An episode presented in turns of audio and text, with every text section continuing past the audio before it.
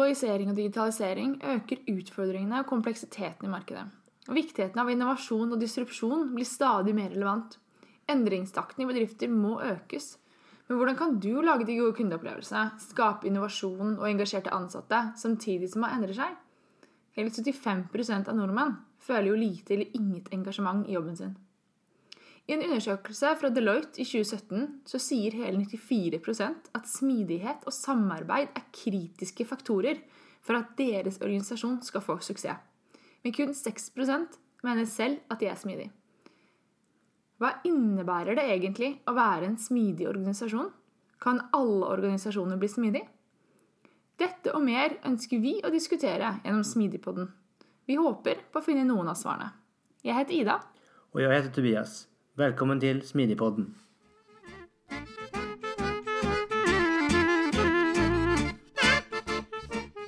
Hei og velkommen til episode nummer 18. Um, denne episoden så har vi tre gjester. Og det er en litt spesiell episode, for um, det har jo skjedd en del siden sist. Uh, så vi kanskje skal begynne der, Ida. Hva er det som har skjedd? Korona. Korona har skjedd, ja. Eh, Covid-19 heter det. Covid-19, coronavirus. Nei, så vi hadde jo eh, store ambisjoner eh, og store planer. Vi gikk hardt ut. Og gikk hardt ut og fortalte i forrige pod at det skulle bli live-episode, liveinnspilling i mai. Med Gnist. Med Gnist. Jeg skulle på meetup og holde presentasjon uken etter. Og vi skulle faktisk til uh, Ita Nei, ikke Italia. Vi skulle til Alpene og gå hatter ut. Stå på ski ja. i en uke. Skulle du faktisk dratt på lørdag. Ja, i morgen. Mm. Eh, men ingenting av det måtte bli av nå. Så det, det, blir utsatt. Eh, jeg skal jo på HR Norge har en smidig, en agil konferanse her i mai. Fikk faktisk en mail her tidligere i uken at de planlegger å avholde den konferansen, men digitalt.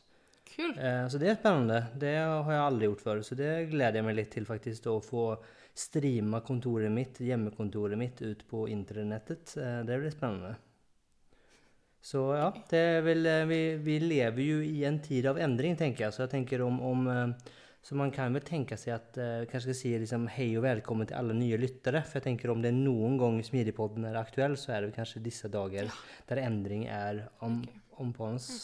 Og det er jo det som er temaet for episoden nå, egentlig. Eller endring er alltid tema, men Ja, vi snakker vel vi, liksom, Titten er vel noe i stil med um, det er veldig flott. Ja, det er veldig flott. Hva, hva var det jeg sa? Jeg sa at, Smidige organisasjoner i en tid av endring. Ja.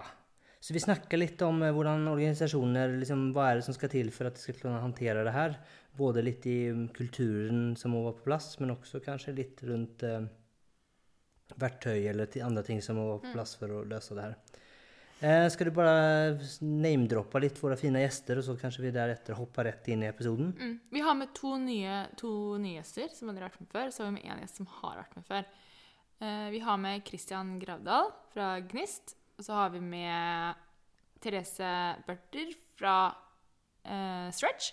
Og så har vi med oss Karsten Eskelund, som vi har hatt som gjest før i podden. Eh, og så er det kanskje viktig å si at eh, Smidigpodden vi eh, tilpasser oss, og vi lærer. Eh, og så er det her første gangen vi kjører en distribuert podinnspilling. Mm. Vi er nå fornøyde med, med, resultatet, men vi tar så klart gjerne feedback og innspill fra dere som alltid. Eh, og det kan vel liksom, før vi hopper inn i episoden, så er det vel fint å si at vi setter alltid pris på alle tilbakemeldinger og alt vi får fra dere, så fortsett å sende mail og innspill og forslag til gjester, eller ta kontakt med dere om det er noe dere tenker at er spennende, spesielt i disse tider eller i generelle tider, å ta med i podden, så er vi åpne for det. Så um, smidigpodden.gmail.com, og så er det Smidigpodden på både Facebook, LinkedIn og Instagram. Mm. Vi er ikke så innmari aktive, men vi leser alle meldinger og sånn. Vi leser alle meldinger. Så send på. Så vil dere ha en smidig venn ute i korona, så, så er vi der. Smidig venn. så med det så tenker jeg vi hopper rett inn i episoden. Yes.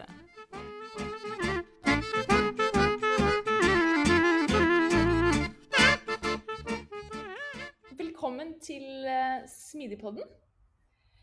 Kristian, Therese og Karsten. Vi har aldri hatt så mange gjester før på Smidigpoden på en gang. Og så er alle i tillegg via digitalt. Ja, de er ikke her. De er ikke her, Nei. men de så, er her. så det er eh, en spennende test. Eh, og det er vel kanskje det som smidighet handler om, endringsdyktighet. Så vi eh, prøver å tilpasse oss, vi òg. Yes. Det blir veldig gøy. Em, dere skal få fortelle litt om dere selv, men først skal vi si litt kort om hvorfor eh, dere er her. Vi ønsker å snakke litt om hvordan denne situasjonen vi er i nå, med korona, hvor alle på en måte har blitt kastet eh, ut av kontorene sine og hjem, hvordan det påvirker hverdagen vår, og hvordan vi tilpasser oss, og hvordan vi jobber annerledes. Så vi kan jo starte litt med at eh, dere sier litt om bakgrunnen deres. Ta litt sånn én og én. Ja. Du skal starte med deg, Kristian. Vil du fortelle litt om eh, bakgrunnen din og om deg selv? Det kan jeg gjøre. Jeg heter Kristian Gradal. Først og fremst er det veldig hyggelig å få lov å være med i denne podkasten. Fulgt dere lenge, så det er, det er, gøy.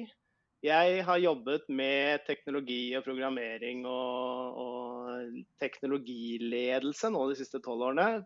I, i teknologifaget ja, siden sent 90-tall.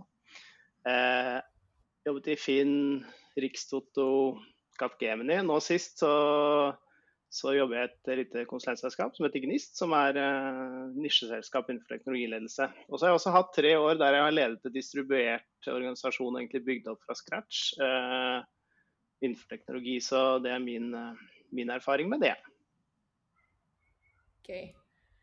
Therese, har du litt lyst til å dele om deg selv? Det kan jeg gjøre. Jeg heter Therese Børter og um, jeg jobber i et selskap som heter Stretch.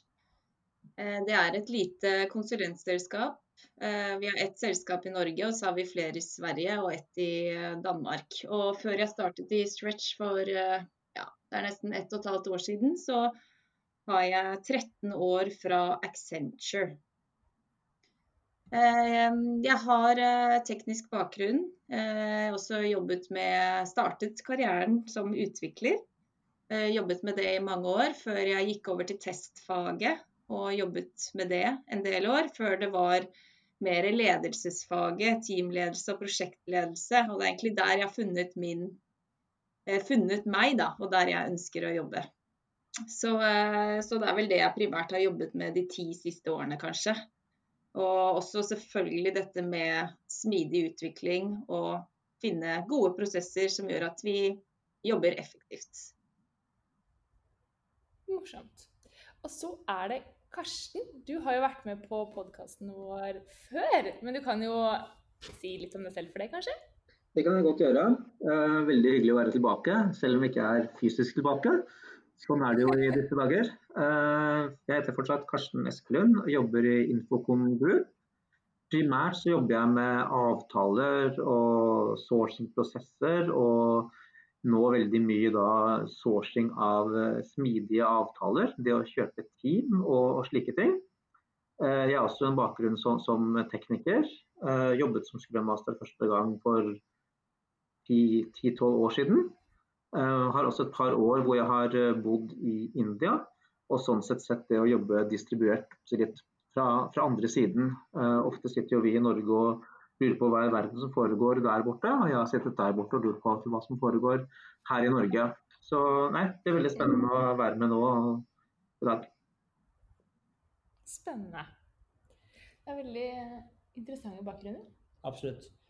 Eh, og vi har et veldig spennende tema, spennende tid. Eh, og jeg tenker det er jo kanskje litt som introduksjon, så tenker jeg det er vel Jeg tror det alle selskaper har eh, følt på at plutselig så føler de at litt endringsdyktighet ikke hadde vært så dumt. Jeg tror det er ingen som sitter og kunne forutse at det her skulle skje. Og det er vel ingen som har lagt det her inn i budsjettet sitt, tenker jeg. Og det er vel kanskje litt der som vi, vi står, da, at det viser seg kanskje litt hvilke organisasjoner som var klare for det her, og hvilke som ikke var det. Så man blir kanskje kastet ut i en endringsreise eller en endring som, man, som viser om man har gjort leksa eller ikke. Da, som er spennende. Så det er kanskje litt introen til, til i dag.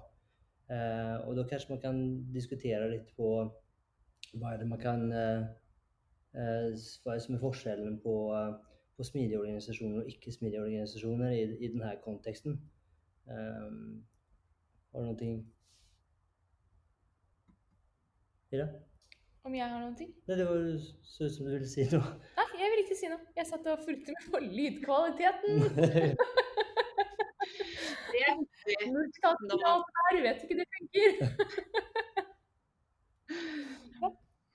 Nei, men jeg kan jo er gjerne kommentere litt eh, på det spørsmålet. Kjempebra, Therese. Eh, Jeg tror jo nok at det er en eh, forskjell fra de organisasjonene som er vant til å jobbe med smidige prosesser, altså de aktiviteter og den type samhandling som vi definerer under begrepet smidig. Eh, For det handler jo i stor grad om eh, høy innovasjonstakt og det å kunne gjøre endringer raskt. Sånn at eh, i de organisasjonene hvor det er tunge prosesser og en type hva skal jeg si, en overleveringskultur, da, hvor liksom alt må gjennom et hierarki og gjennom mange ledd, de vil nok ha større utfordringer med den situasjonen som vi er i i dag, kontra organisasjoner som eh, er raskere og har en kultur hvor det er eh, eh, på en måte OK å, å, um, å gjøre ting på en annen måte, som man ikke er eh, vant til. Det tror jeg nok.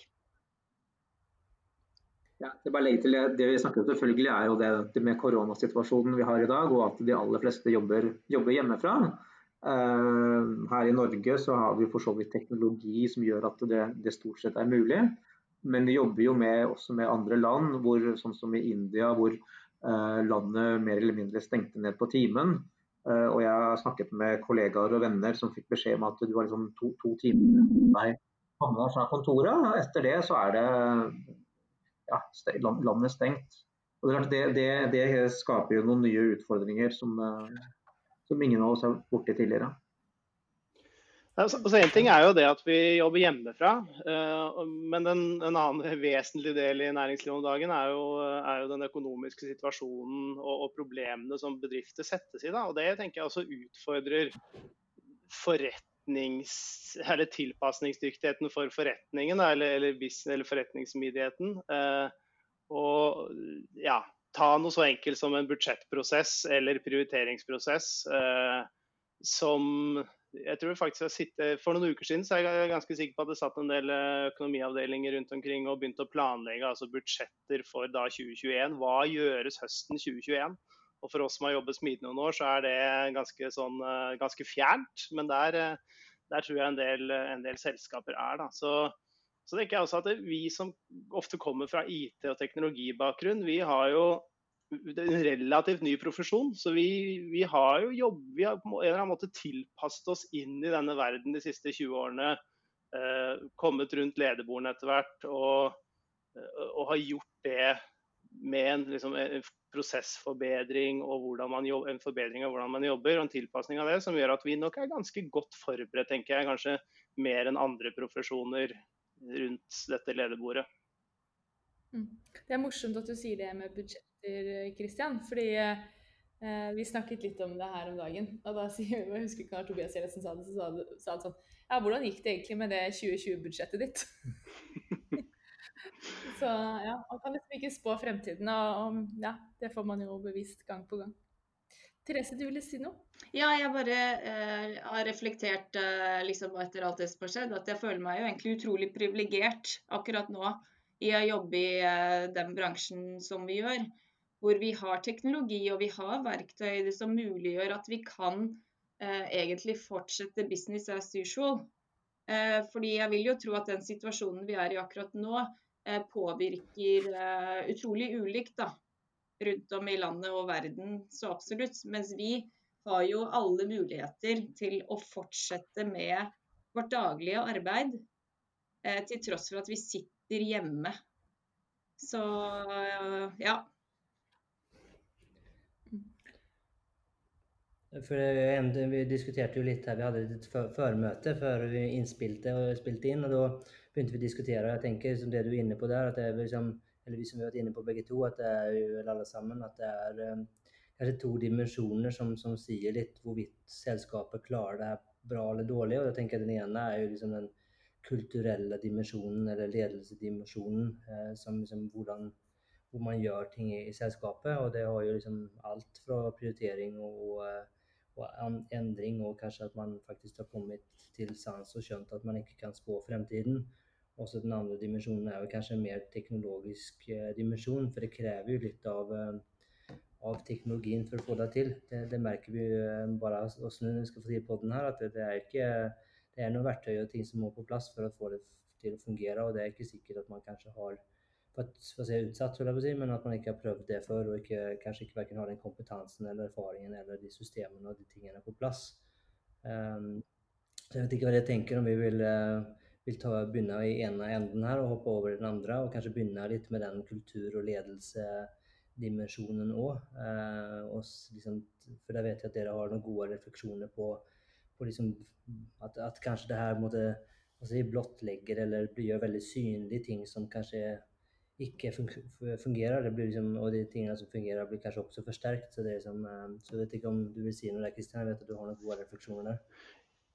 Jo, jeg kan, jeg kan, gjerne starte på den. Jeg, den tilbakemeldingen jeg får når jeg snakker med folk om dagen, er jo nettopp det at eh, de de teamene eller de organisasjonene eller de prosessene internt i en organisasjon, altså de som har fungert bra, de blir gjerne noe enda bedre. Eh, de, de leverer faktisk mer produktivitet. Eh, og mens de som, som, man ikke har kanskje tatt tak i, der det ikke fungerer så bra, det, det blir mer utfordra. Møtekultur f.eks. som jeg hører flere organisasjoner der bare kalenderen fylles opp. Og nå kan du jo fylle opp fra åtte om morgenen til seks om kvelden, ikke sant? fordi folk, eh, folk pendler ikke heller.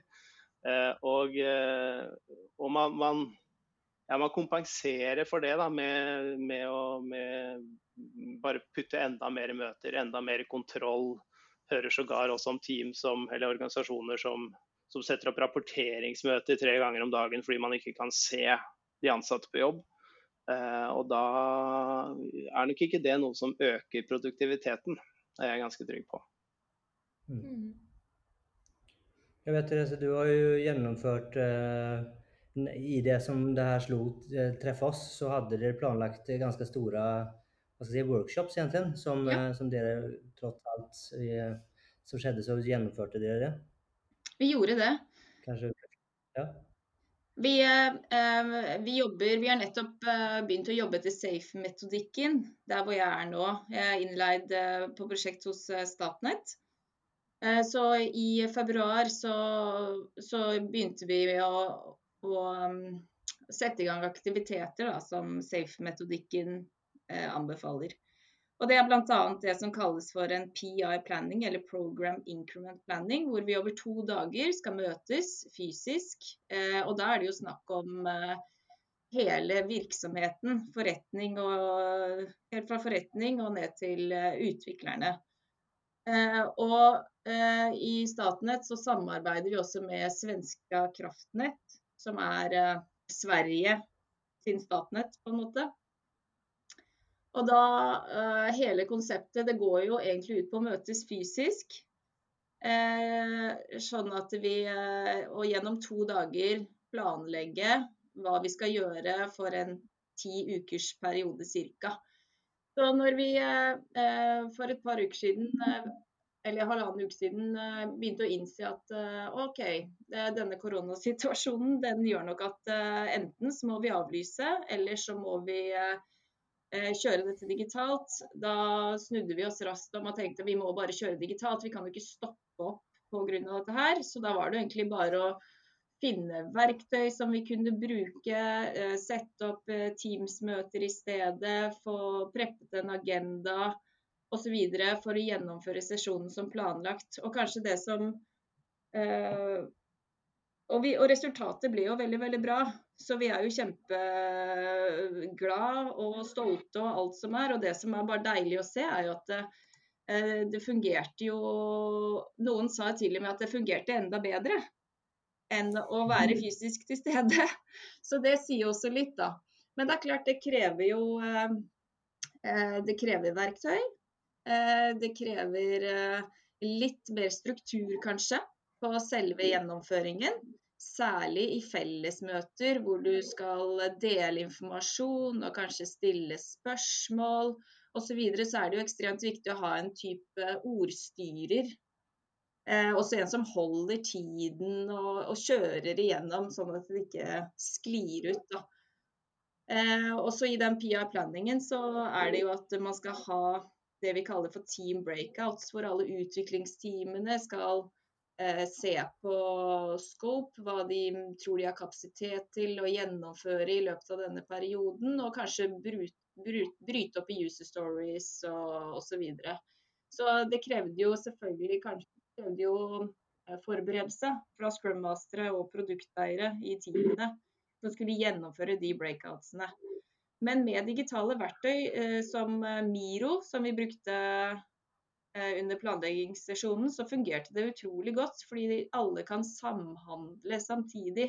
Og sitte og dra bokser og piler og, og sitte og diskutere. Og liksom Du er på en måte på et kjempestort whiteboard, bare digitalt. Så det var nok eh, redningen for oss akkurat eh, i den sesjonen her. Og det vi har kommet fram til nå, er at dette her skal vi fortsette å bruke.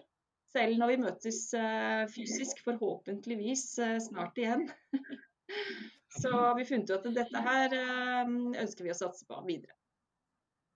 Mm. Ja, for det er noe med det å ta denne muligheten og se på det som både muligheter til å teste ut nye ting og ilegge seg kanskje nye, gode vaner. da, Til hvordan man kan eh, på en måte dytte og, og liksom den digitale uh, utviklingen, da. Jeg, jeg, jeg, jeg, jobber jo i dag i en innkjøpsavdeling som ikke for så vidt har uh, kontinuerlige leveranser og sånn på samme måte som, uh, som utviklingsteam har. og er kanskje sånn sett litt, litt annerledes stilt enn det Kristian snakket om, med de teamene som er vant til å jobbe på den måten. Uh, vi ser jo nå at vi kommer nok til å prøve å gå over til å jobbe mer smidig istedenfor å ha møter annenhver uke osv. Så, videre. så ser vi at ok, 15 minutter hver dag det gjør jo faktisk at du får bedre kontroll. Eh, og smidig er jo ikke Det er jo mange som misforstår det og tenker at nei, når du jobber smidig, så gjør du akkurat hva du vil og du har ikke kontroll på noen ting. Det er jo helt uh, tvert om. at Du har jo mer kontroll og oftere rapportering, kanskje ikke tre ganger om dagen. Um, så jeg er veldig spent på hvordan det kommer til å bli i en sånn organisasjon som, som vi jobber i. Vi har nok kanskje ikke vært de mest smidige. Eh, men vi ser jo nå at eh, denne, denne, situasjonen vi har nå, krever oss til å tenke annerledes. Eh, og da å bruke disse verktøyene mer, mer effektivt og, ja, og endre, endre litt måten vi jobber på. Så det blir, det blir, spennende å se hvordan den reisen går. Mm. Jeg, kan jo, jeg kan jo ta et eksempel til. Jeg prata med Nikolai Høge, i, som har sittet over Finn i dag. Og de, eh, de, det overraskende med Finn er kanskje at de er ikke et selskap som er vant til hjemmekontor. Er, eh, der er alle sitter oppå hverandre i grensen i Oslo. Eh, og, men, men, de har jo jobba med endring. De har jobba med kontinuerlig forbedring av team og utvikling av smidig metodikk nå sikkert 10-15 år. Så når de ble sendt hjem eh, en dag før alle andre, tror jeg, så, så, tok det ekstremt kort tid før alle var effektive. og De ser at de leverte 1600 deploys til produksjon første uka.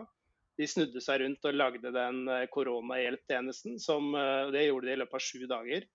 Eh, så det er kanskje, altså Finn kommer jo ofte opp i eksempler som fungerer, men, men, de var ikke vant til hjemmekontor. Men de, men de, de, er, de, er, en smidig organisasjon, det er en tilpasningsdyktig organisasjon. og da tenker jeg Så lenge du har den type mekanismer på plass, da, så vil det tilpasse seg.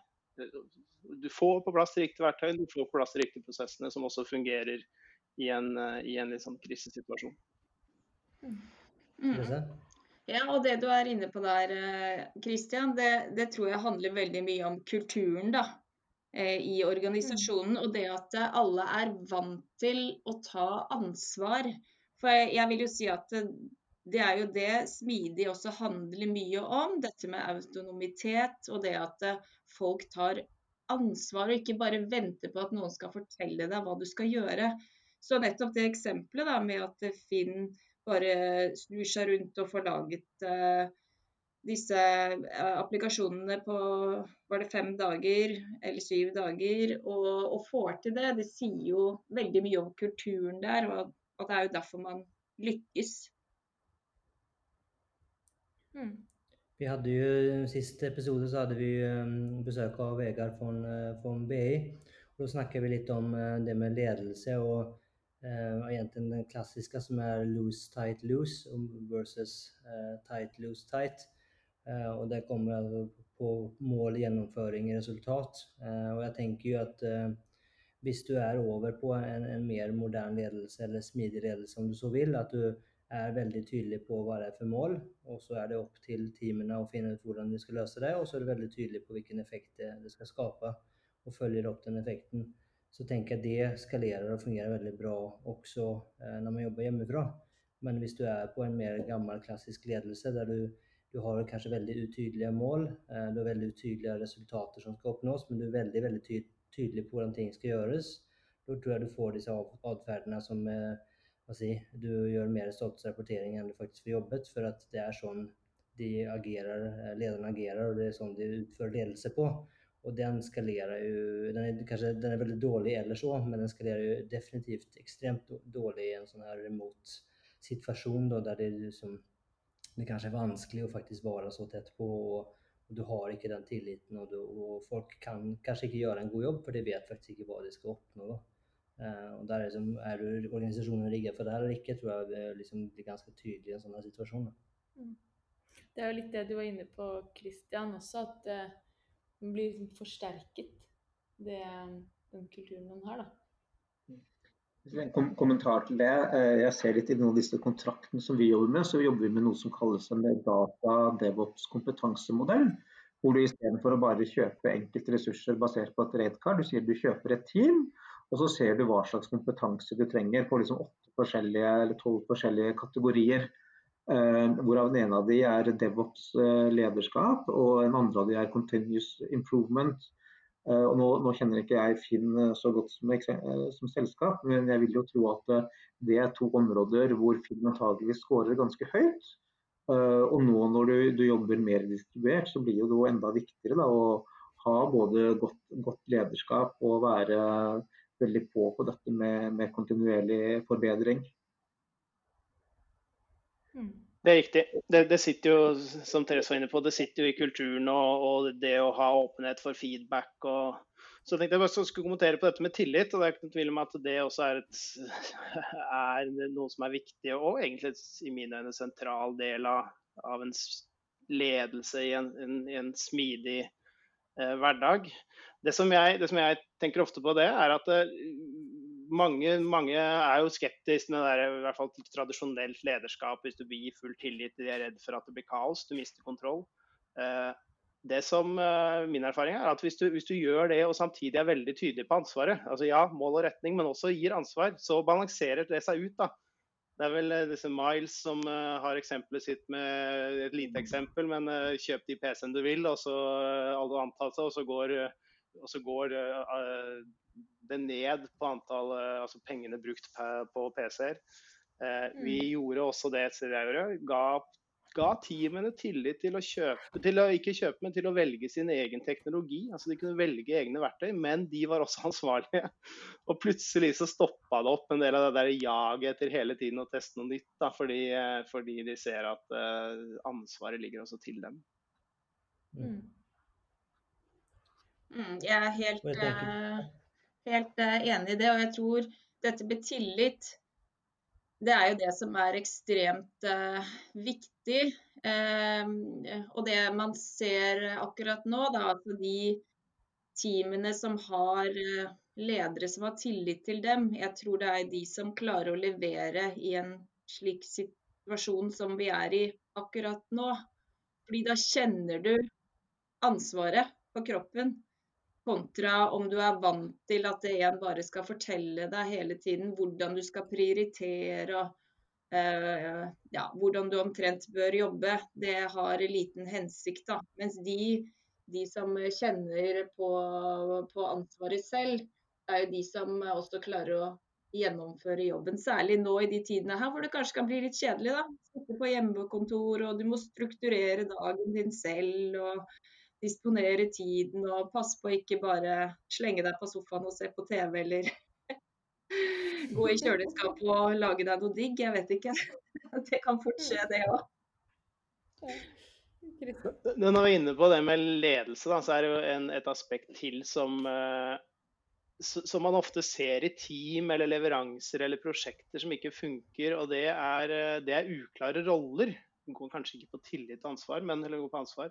Uh, og det tenker Jeg også, jeg, noe, jeg, har ikke sett det nå de siste ukene, men, uh, men, det også er nok utfordringer som blir i vesentlig grad større når man sitter hjemme og den økonomiske situasjonen er verre. Uh, så jeg vil nok slå et slag for noe så kjedelig som hvis det er liksom en gang dere skal ta en titt innom hvem har virkelig ansvar for hva, også i et smidig team så er det nok en god anledning for det akkurat nå.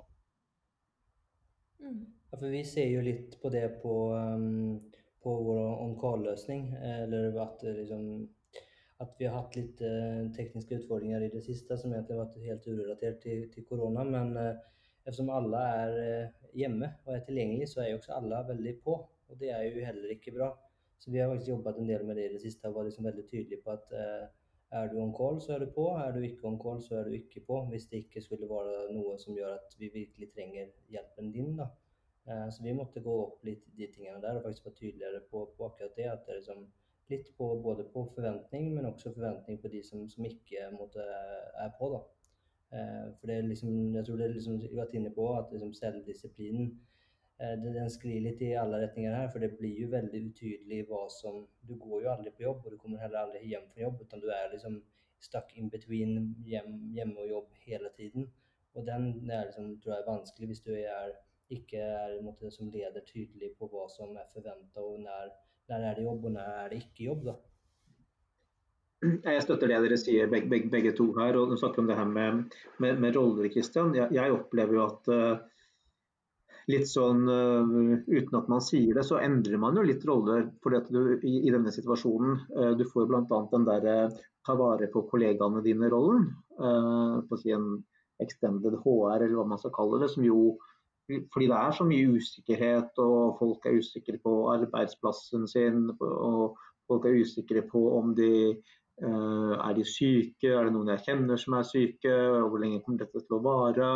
Så jeg ser i hvert fall der at personer som du kanskje ikke har tenkt på som en, som en personalleder, som plutselig står frem uh, og tar et sånt type ansvar. Da, som jo det er, det er jo ikke noen rolle som finnes i et scrum-team, og det er kanskje ikke noen rolle som ikke finnes i et organisasjonskart heller. Men akkurat det der liksom å ta vare på folk blir jo en sånn egen dimensjon uh, som, som, er viktig oppi dette. Og som Tobias sier, dette her med å med, med, å skru av. Det er jo klart som sier, altså det, er, det, er, veldig lett at PC-en blir stående på. og Du bruker kanskje samme PC se på Netflix på kvelden som du bruker til å jobbe med om dagen. og Når er du på jobb og når er du ikke på jobb, det, det går veldig fort over i hverandre. og um, ja, Kanskje noe man prøver, prøver å være litt um, på. Det er, jo, det er, jo, mye råd om dagen, og det er vel et av de rådene jeg leser mest. Det er vel dette med å dusj om morgenen, kle på deg noe annet enn pysjen og, og, og, og, ha et eget sted. Liksom, sjekke inn på jobb og sjekke ut av jobb. Uh, jeg tror det er, et, det er, et, godt råd, eh, Karsten, til å også ta vare på litt andre ting i livet disse dager. Mm. Therese og Elise? Ja. Nei, jeg skulle bare si at uh, jeg tror nok det Karsten er inne på, um, er nok utfordrende for mange ledere akkurat eh, nå den relasjonelle delen av ledelse, særlig hvis ikke du er vant til det. Fordi nå er man i en såpass uh, usikker situasjon, og man uh, opplever den nok veldig forskjellig.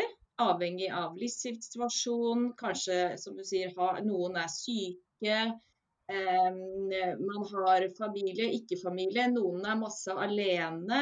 Eh, noen har barna oppe i ansiktet kontinuerlig og føler at de ikke får gjort jobben sin i det hele tatt. Eh, pluss at eh, når vi ikke ser hverandre fysisk, så er det mye vanskeligere da, for en leder å kunne catche om personene har det bra eller ikke. Fordi følelsene blir jo usynlige. Sånn at jeg tenker det er, Og særlig hvis dette kommer til å pågå over en eh, enda lengre periode enn eh, enn vi har vært gjennom nå, som det mest sannsynlig også blir, så tror jeg at kanskje det blir den viktigste jobben for ledere i tiden fram til dette her er over. Da. At du må eh, passe på de, de ansatte. Og, og, sånt, eh, for det kan jo gå på psykenløs etter hvert, tenker jeg da. Um, mm. så, så, det er jo en Det fungerer jo veldig godt å jobbe distribuert, og man har videokonferanser og alt dette her. Men akkurat å få klarhet i hvordan personene har det, og sånn rent emosjonelt, det er jo en utfordring. Jeg tror dere er inne på noe veldig viktig der også, for smidig handler jo også om I hvert fall syns jeg det handler om solidaritet og samhold. Eh, og eh, som du sier, den relasjonen man har mellom mennesker, ikke nødvendigvis bare leder og ansatt, men det at man også ser, som Karsten sier, at du har liksom andre i teamet da, som liksom blomstrer opp og tar kanskje roller de ikke hadde kun, har tatt før, da, som kan være interessant. Og da kanskje er det lederens rolle å gi rom for, de, eh, gi rom for det. da. Og bruke denne muligheten til å identifisere de personene. Mm. Christian? Ja, det står til og med i dette berømte agile manifestet noe om uh, individuals and inter interactions over, over, processes and tools. Så det å, ja, det å ta vare på individet, det mm. Skal ta det til hjertet? Ja. La oss gjøre det. Ja. Nei, jeg tror det er helt enig. Det er viktigere enn noensinne i disse dager. Og det er jo klart at det er jo, det er jo mange som kanskje sitter helt alene òg. Eh, og kanskje den sosiale mm. kontakten de har, er kanskje på jobb. Eh, og når den er borte, så er det kanskje ikke så veldig mye igjen. Og det er jo viktig å huske på, på de, da. Eh, og kanskje ta ikke bare ta de formelle møtene, men kanskje ta en, en liten telefon eller en liten videomøte, eller ja, for å holde litt kontakt og få litt sosiale utbytte. Mm. En digresjon på det. Vi var innom dette med kultur og deling av informasjon. og sånn. En av de grunnene som gjør at folk sannsynligvis føler seg usikre i disse dager, er jo økonomien. Halve mm. Norge er snart permittert. og mm. så, så det at du som, som bedriftsleder eh, tar informasjonsflyt på, på alvor, da. Jeg, de gamle referatene. Mm. altså Det er noe med at du kan ikke forvente at folk er på til samme tid om dagen. så så det å faktisk skrive referater og distribuere det i organisasjonen og, og, egentlig overkommunisere, det tror jeg er, eh, mm. er en viktig også lederoppgave. Mm. Mm. Ja, jeg er veldig enig i det.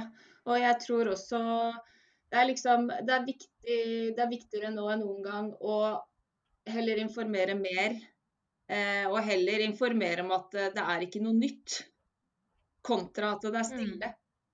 Fordi folk er så informasjonshungrige. Jeg merket det særlig i eh, de dagene før man fikk beskjed om at nå skal dere ha hjemmekontor.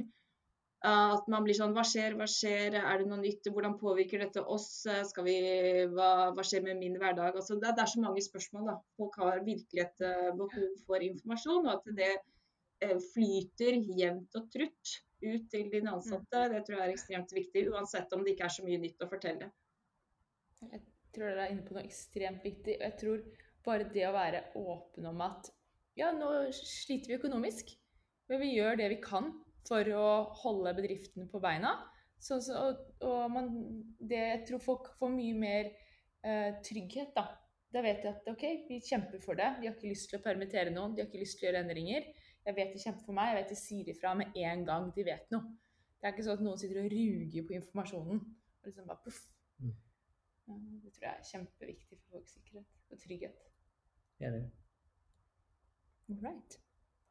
Skal vi skli litt videre over på den teknologidimensjonen? Vi har jo for så vidt touchet innom det eh, litt sånn hele veien, for det, det, går jo litt i hverandre her. Men eh, jeg tenker at vi kunne eh, Du snakka litt om, eh, om Miro, Therese, her helt innledningsvis. Og det er jo liksom noe med å kanskje finne verktøy og Eh, få lov å bruke nye verktøy. Det har jeg reflektert over i det siste. Mm. her, at det, det så kanskje mange, mange organisasjoner kanskje er stakk med at det er noe veldig eh, rigid rundt det, og da er det kanskje det en hindring. Så jeg vet ikke om dere har lyst til å si noe. Du kanskje kan begynne, Therese, litt hva dine erfaringer, hva du tenker der? Mm. jeg tenker jo at uh, det var jo virkelig det som reddet oss at vi fikk, lot, uh, fikk mulighet til å bruke Miro. Vi hadde akkurat fått opp en SharePoint, så det var perfect timing. Uh, eh, som vi kunne bruke nordisk, for det er et eh, nordisk eh, samarbeidsprosjekt. Eh, SharePoint har fått opp Teams. Eh, brukte Team Retro, to retrospektiver. Kjørte eh, demoer via Teams også. og, og det er, som du er inne på Tobias, mange organisasjoner som er veldig strenge da, på hvilke verktøy som skal være lov, særlig skyløsninger. Så, eh, så eh, der må man i hvert fall i disse dager være litt fleksibel. Og jeg, jeg vil jo si at eh, dette gir oss en unik mulighet da, til å faktisk teste nye verktøy, sånn som f.eks. Miro, hvor vi i vårt case har vurdert det verktøyet til at vet du, dette her ønsker vi å bruke videre i vårt eh, daglige arbeid. Så nei, akkurat nå, altså samhandlingskanaler, det er alfa og omega, vil jeg si. Mm. Det er lett å være enig i det du sier her. Og så må jo kontraktsrådgiver si noe om den, uh, hva man lå til og hva man ikke lå til. da. Uh, jeg var og hørte på webinar med, med advokater i dag hvor man sier at uh, noen sier jo at nå er man i en sånn force majeure-situasjon. Man kan ikke levere de tjenestene man normalt kan levere. Eh, og hva da med eksempel skyløsninger og sånne ting? Har da firmaer lov til å gjøre ting som de normalt vil si at de ikke, ikke kan gjøre? Eh, jeg er ikke advokat, så jeg skal ikke gi noe endelig svar på det. Men det er klart at det, her kommer det nok til å komme opp noen betraktninger rundt hva, hva kan man gjøre og hva bør man gjøre. og uh, Litt sånn sunn fornuft vil nok komme opp her, som du sa Therese. at Eh, nei, man kanskje ønsker man ikke å bruke skyløsningen, men man ser at her, her, må man gjøre det, og da gjør man selvfølgelig det. Jeg tror også at denne, denne tiden vi er inne i måte, Jeg tror man kan bruke det til noe godt. da, Nettopp for å få, få utfordra noen av de etablerte sannhetene som kanskje ikke er så reelle. Eh, en ting som man bare bør ha med seg, tenker jeg, er jo at uh, hvis alle teamene eller alle avdelingene i hele organisasjonen sitter og velger sine forskjellige verktøy, så, så er det vanskelig å dele informasjon på tvers. Så, så, ja, uh, større fleksibilitet til å, til å, velge sitt eget. Uh, men husk på at, det er, at den involveringen fra andre også er viktig, tenker jeg, som, som man bør ha med seg. Og så er det jo fascinerende hvordan Microsoft var vel tidlig ute og gjorde Teams eh, åpen for alle, så vidt jeg fikk meg. Eh, og endelig har jeg vært borti Microsoft-verktøy i mange år, og endelig nå har de kåla med SharePoint og sånn i, i, årevis. Og så har de fått den pakka som faktisk i mine øyne syr dette sammen til en, noe som funker for brukeren. Og det, det, rulles ut. Det liksom, jeg har hørt om flere selskaper som hadde dette på vei ut, og så redda det nå. Skolene, så, så, de må mm. jo uh, dette Det er vel si noen som sitter og gnir seg i hendene borti Seattle til tross for situasjonen, selvfølgelig. Kanskje ikke lov å si det. men jeg tror, jeg tror, du har rett, Kristian. ja, men de hadde jo veldig problemer med Teams faktisk de første dagene i karantene. Det ble jo veldig kraftig overbelastet. Så de hadde nok ikke regnet med den store ja. Svingen, nei. nei. Therese, du, skal, du, har lyst til å si noe? Jeg har lyst til å si noe. Nei, jeg skulle bare si at uh, jeg skjønner jo også at uh, noen organisasjoner må gjøre vurderinger av uh, hvilke verktøy som kan brukes, nettopp pga. skytjenestene. fordi det er jo mange organisasjoner som har sensitive data som ikke skal komme på avveie. Så bare en sånn Ja, jeg forstår også hvorfor noen må være litt strenge, da, hvorfor det tar litt tid. Men jeg eh, opplever i hvert fall mye større fleksibilitet akkurat nå om dagen. Nettopp fordi det er den måten du får eh, hjulene fortsatt eh, til å rulle, da. Mm. Mm. Det er kanskje det som også er litt interessant. da. Det At man plutselig ser den fleksibiliteten man kanskje ikke har opplevd eh, før. da. At eh, ting skjer litt fortere, endring skjer fortere enn det man skjedde før. Og da kan man liksom reflektere litt rundt hvorfor hvorfor det, da? Hvorfor mm. opplever vi at plutselig ting går fortere enn det gjorde før? Mm. Kanskje ikke det var så farlig allikevel? Nei. Det, ja, det er, jo, er ikke dette en av liksom disse pilarene i endringsledelsen? Det å skape en, en, sense of urgency, og uten det så, så får du ikke til endring. Så, så man er jo en, i, definitivt i en verden i sense of urgency om dagen. Det kan du si. Det kan du si, ja. Nei, det er absolutt noe med det. Det, det hjelper, det. Yes. Good. Skal vi si at vi begynner å runde litt av og hoppe inn på de siste spørsmålene, Ida? Er du klar? Jeg er klar. Er dere klare? Vi er klare. Jeg er klare. Ekko. Eh, vi tenkte på, Karsten, fikk du disse fem spørsmålene sist du var hos oss? Eh, Var det da vi glemte? nei, det er jeg ikke sikker på. Da må jeg gå tilbake og lytte på gamle episode, da. Ikke sant? Nei, kanskje ikke. Men i stedet for så valgte vi. Vi, vi tror dessverre at vi glemte deg. Eller ikke deg, men, men spørsmålene. Ja. Det går helt bra. Men jeg tenker hvis vi tar ett spørsmål fra hver, da. Og så kan dere andre bare supplere hvis dere har noe morsomt å fortelle. Så hvis vi begynner med um, Hvis vi følger samme rekkefølge som i stad, med Christian først. Hva mener du kjennetegner en god leder? Jeg tenker vel at vi har vært innom ganske mye av det i dag. Jeg vil kanskje snu på det og si at eh, de teamene som i dag har de, de teamene som i dag fungerer, altså i en, i en hverdag med både hjemmekontor og usikkerhet og, og mye som skjer rundt oss, de, har, de lederne må du ta vare på. De, eh, hvis du går rundt i lokalet og finner noen team som nå sitter der det er kaos, så kan du jo tenke om den burde vært mer ute og på et lederkurs eller gjort noe helt annet. Good. Fint svar, Kristian. Og skal du si neste spørsmål? Jeg ser neste spørsmål. Eh, vi har vært inne på det, men eh, vi, vi, vi tar det. Therese, er du klar? Jeg er klar. Hva vil du gi som tips til en som ønsker å etablere en mer smidig kultur eller mer smidig organisasjon? Ja.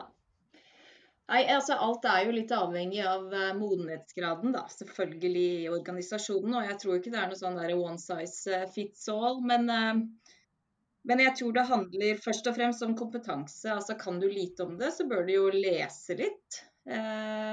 Og komme deg opp på buzzwords og hva betyr alle disse begrepene og hva er alle disse aktivitetene osv. Og så tenker jeg jo at det er også litt avhengig av modenhetsgrad og hvor mye kompetanse det er inhouse. Kanskje det kan være lurt faktisk å få litt ekstern hjelp. Rett og slett fordi Ikke fordi man kanskje ikke kan metodikken, eller, eh, men rett og slett for å få et objektivt syn på prosessen og hvordan organisasjonen er rigget hos deg. Fordi det kan jo være følsomt. Eh, og særlig endring er eh, Endring er vanskelig, endring er følsomt, endring tar tid. Eh, og, hvis, eh, og det er alltid mye lettere da, å få noen andre til å si og påpeke kanskje de utfordringene du har, for da blir det ikke så følsomt, tror jeg da.